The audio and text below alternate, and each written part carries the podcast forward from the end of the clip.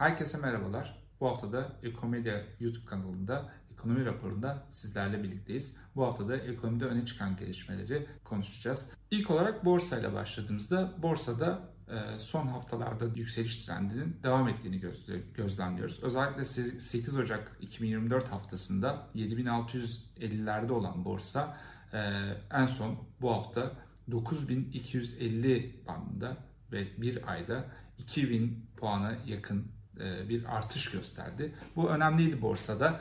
Dolayısıyla borsada bir artış süreci var ve bu artış süreci Borsa İstanbul'da devam ediyor. Son olarak Cuma günü de endeksi 9250'de tamamladı. E, Borsa İstanbul için halihazırda şu anda 9000 e, önemli bir psikolojik destek. Onun altında teknik anlamda baktığımızda 8900 önemli bir destek olma sürecini koruyor hala.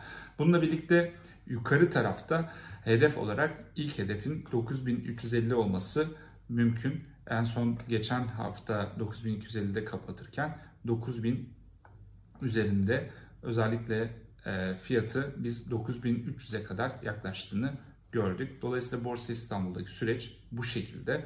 E, Bitcoin tarafına bakarsak Bitcoin'de de olumlu hava uzun süredir devam ediyor. E, orada da son iki haftada önemli artışlar gördük. Ee, tabii bu artışların nedenlerini geçen yayında da konuşmuştuk. Spot ETF'lere e, yatırımlar hala devam ediyor. İlgi var ve bu ilgi özellikle devam ettiğini görmek mümkün. Bununla birlikte Aralık 2021'den bu yana e, ilk defa Bitcoin bu hafta 50 bin e, dolar bandını geçmiş oldu. Bu da önemliydi. Yine Ekim 2023'ten bu yana da %80'in üzerinde bir değer kazandı Bitcoin. Bununla birlikte Nisan ayında e, geçen yayında Mayıs demiştim ama bu son tahminler güncellendi. Nisan ayında yarılanma süreci var. Bu da Bitcoin için yine olumlu bir fiyatlama stratejisi gösteriyor. Bununla birlikte e, destekler tabii ki burada da yine 50 bin desteği psikolojik destek artık. Bunun altında 48 bin süreci var. Yukarıda da ilk hedef 53 bin gibi gözüküyor ve sonrasında eğer bunu geçerse 57 bin dolar hedefi Bitcoin'de mevcut.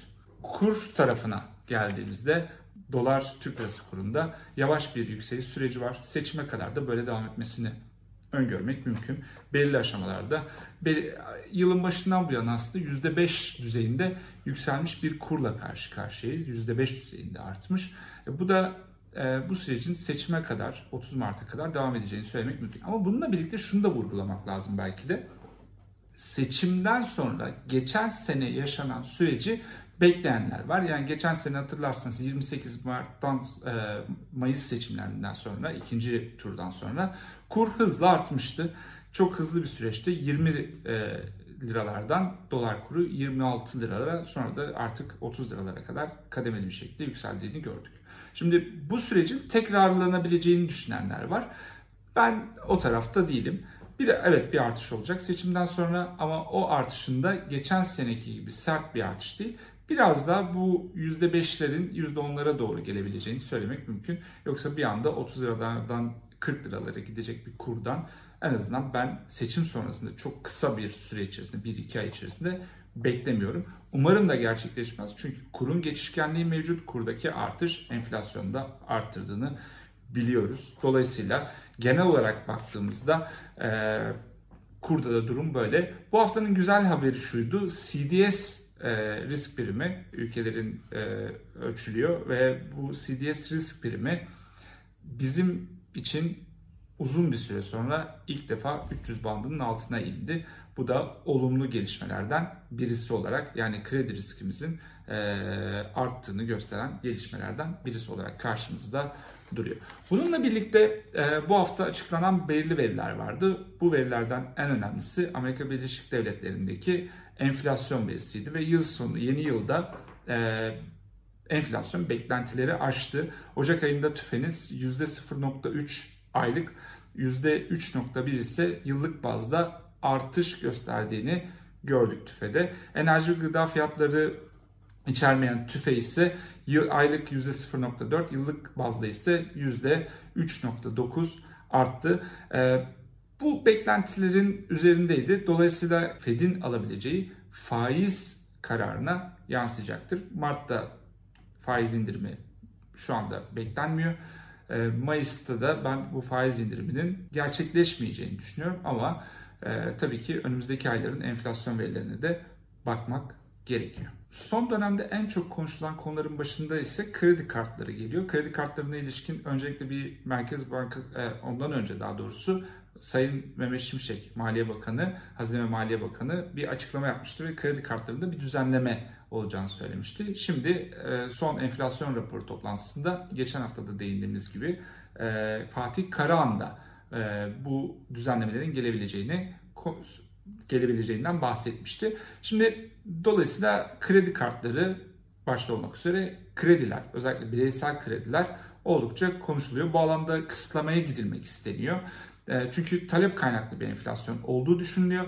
E, enflasyon nedeni talep kaynaklı olduğu düşünülüyor. Bu nedenle de e, kredi kartlarında bir düzenleme yapılması gerektiğini en azından öngörüsünde bulunuyorlar. Şimdi BDDK'nın Bankacılık Düzenleme ve Denetleme Kurulu'nun 9 Şubat 2024 verilerine baktığımda bireysel kredi kartı harcamaları 1 trilyon 250 milyar dolar özür dilerim milyar TL'lik hacme sahip. Şimdi geçen yılın aynı döneminde 480 milyar TL'lik bir hacme ulaşmış. Şimdi burada kredi kartlarında yapılan işlemlerin ayrımına da gitmek gerekiyor aslında. Neden ayrımına gitmek gerekiyor? Acaba taksitli işlem mi yapmış yoksa e, taksitsiz işlem mi yapmış diye sormak lazım.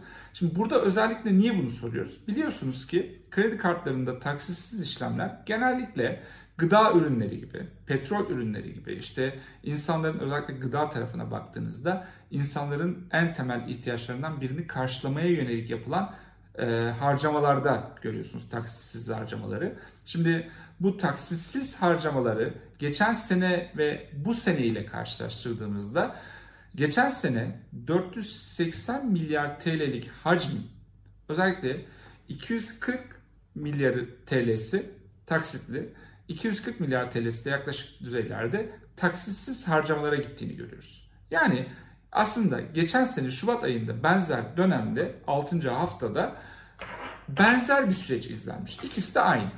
Yani taksitli ve taksitsiz harcamalar birbirine eşit.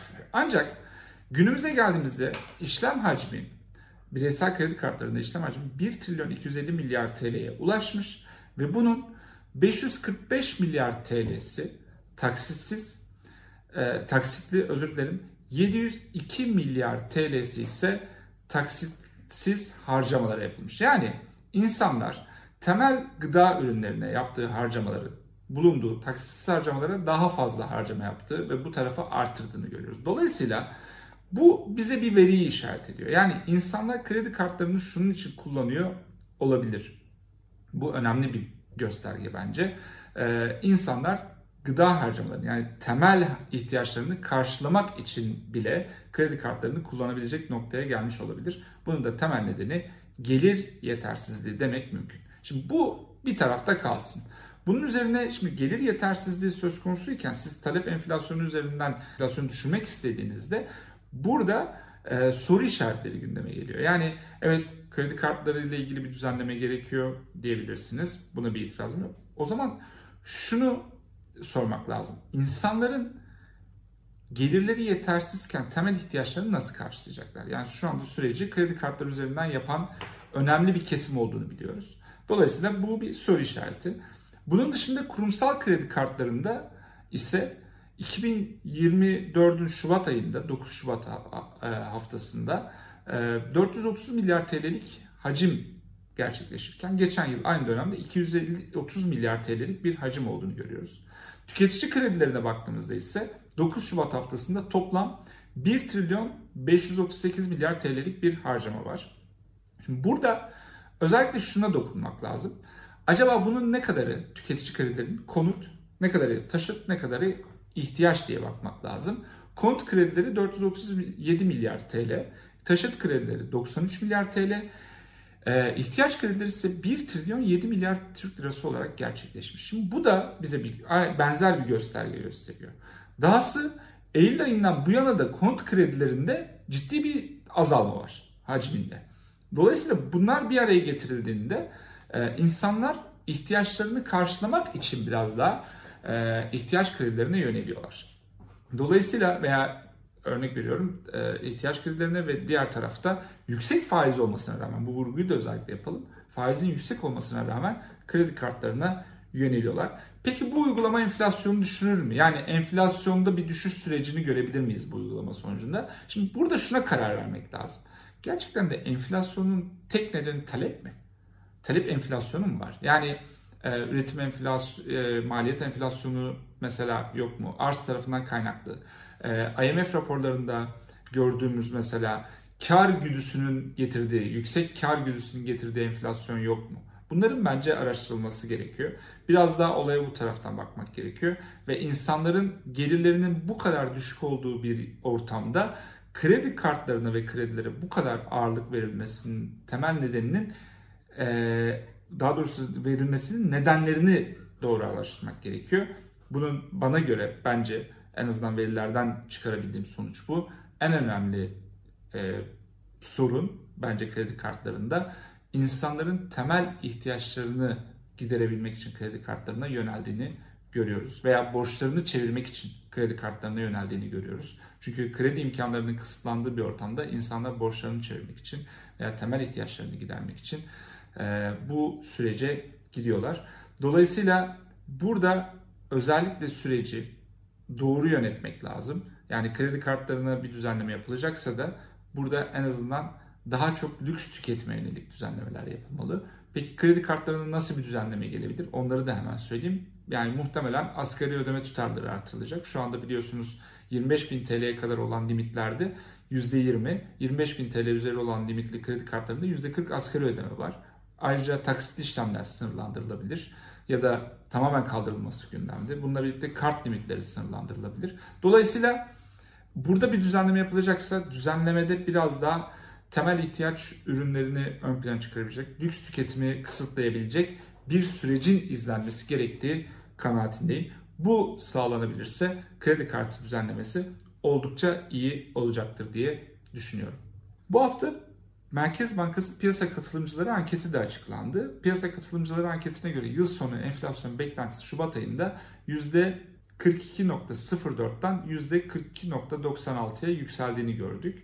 Ee, böylece Türkiye Cumhuriyet Merkez Bankası'nın enflasyon raporunda bir tahmin aralığı vermişti. Geçen hafta da konuşmuştuk. %30 ile 42 aralığında. Bu tahmin aralığının oldukça dışına çıktığını görmek mümkün.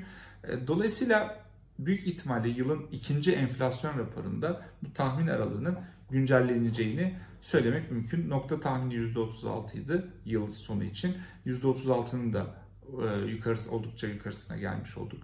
E, 1 puan kadar. Dolayısıyla yüzde işte 40'lardan 43'e neredeyse yakın bir tahmin var. Dolayısıyla Merkez Bankası da tahminlerini bu şekilde güncelleyecektir diye düşünüyorum. En azından bir sonraki enflasyon raporunda. Ee, bunun dışında 3 ay sonrası için politika faiz oranı hala %45 olarak bekleniyor. Dolayısıyla hani bu da piyasanın genel olarak bizlerin de söylediği işte artık Merkez Bankası politika faizinde enflasyon artış, e, politika faizinde artışın sonuna geldi. %45'in daha da üzerine çıkmayacağını söylemiştik. Muhtemelen bu süreç aynen böyle devam edecek. 12 ay sonra %40'ın altında yani gelecek yıl Şubat ayında %40'ın altında bir e, enflasyon özür dilerim politika faizi bekleniyor. 24 ay sonra da %25 altında bir e, politika faizi beklediğini söylemek mümkün. Enflasyonun birkaç ay içerisindeki yıllık enflasyonun artışıyla beraber bu oranların da ben e, yukarı doğru revize edileceğini önümüzdeki piyasa katılımcıları anketinde e, revize edileceğini düşünüyorum. Son olarak da döviz kuru beklentilerine baktığımızda yıl sonu kur beklentisi 40.02 TL olarak gerçekleşti. Dolayısıyla yıl sonunda %40.02'lik bir döviz kuru beklentisine sahip piyasa katılımcıları diyebiliriz. Son olarak da TÜİK'ten Cuma günü e, yaşam memnuniyet araştırması raporu geldi. Oradaki verileri gördük. Şimdi ona da baktığımızda özellikle Türkiye'nin %52.7'sinin mutlu olduğunu, bunun dışında %13.7'sinin e, ise 2023 yılında mutsuz olduğunu sonucuna verdiler bize. E, tabii cinsiyet bağlamında bakıldığında kadınlar erkeklerden 2023 yılında daha mutluymuş. Kadınlardaki bu oran 2022 yılında %52.7 iken 2023 yılında %55.1'e ulaşmış. Bununla birlikte erkeklerde 2022 yılında %46.5 iken 2023 yılında %50.3 olarak gerçekleşmiş. Ülkenin en önemli sorunu sizler de takdir edersiniz ki herhalde herkese sorsak e, burada bir anket de yapsak muhtemelen benzer bir sonuç göreceğiz. Tabii ki de hayat pahalılığı. Özellikle e, hayat pahalılığının 2020 2023 döneminde yani 4 yıllık dönemde %17.3 olan 2020 yılındaki hayat pahalılığı günümüzde %33.8'e kadar ulaşmış. Dolayısıyla burada ciddi bir memnuniyetsizlik söz konusu. Bununla birlikte 2020 yılında %18.5 olarak görülürken işsizlik bu oran %7.3'e kadar düşmüş. Bir diğer önemli veri 2020 yılında %0.9 dış göç e, bir sorun olarak görünürken bu sorun %5.9'a kadar ulaşmış. Dolayısıyla orada da bir artış trendi görmek mümkün. Dolayısıyla ülkenin en önemli sorunları genel olarak bu şekilde başta tabii ki de hayat pahalılığı var. Ekonomi raporundan bu haftalık bu kadar. Gelecek hafta ekonomideki yeni gelişmelerle yine görüşmek üzere. Hoşçakalın.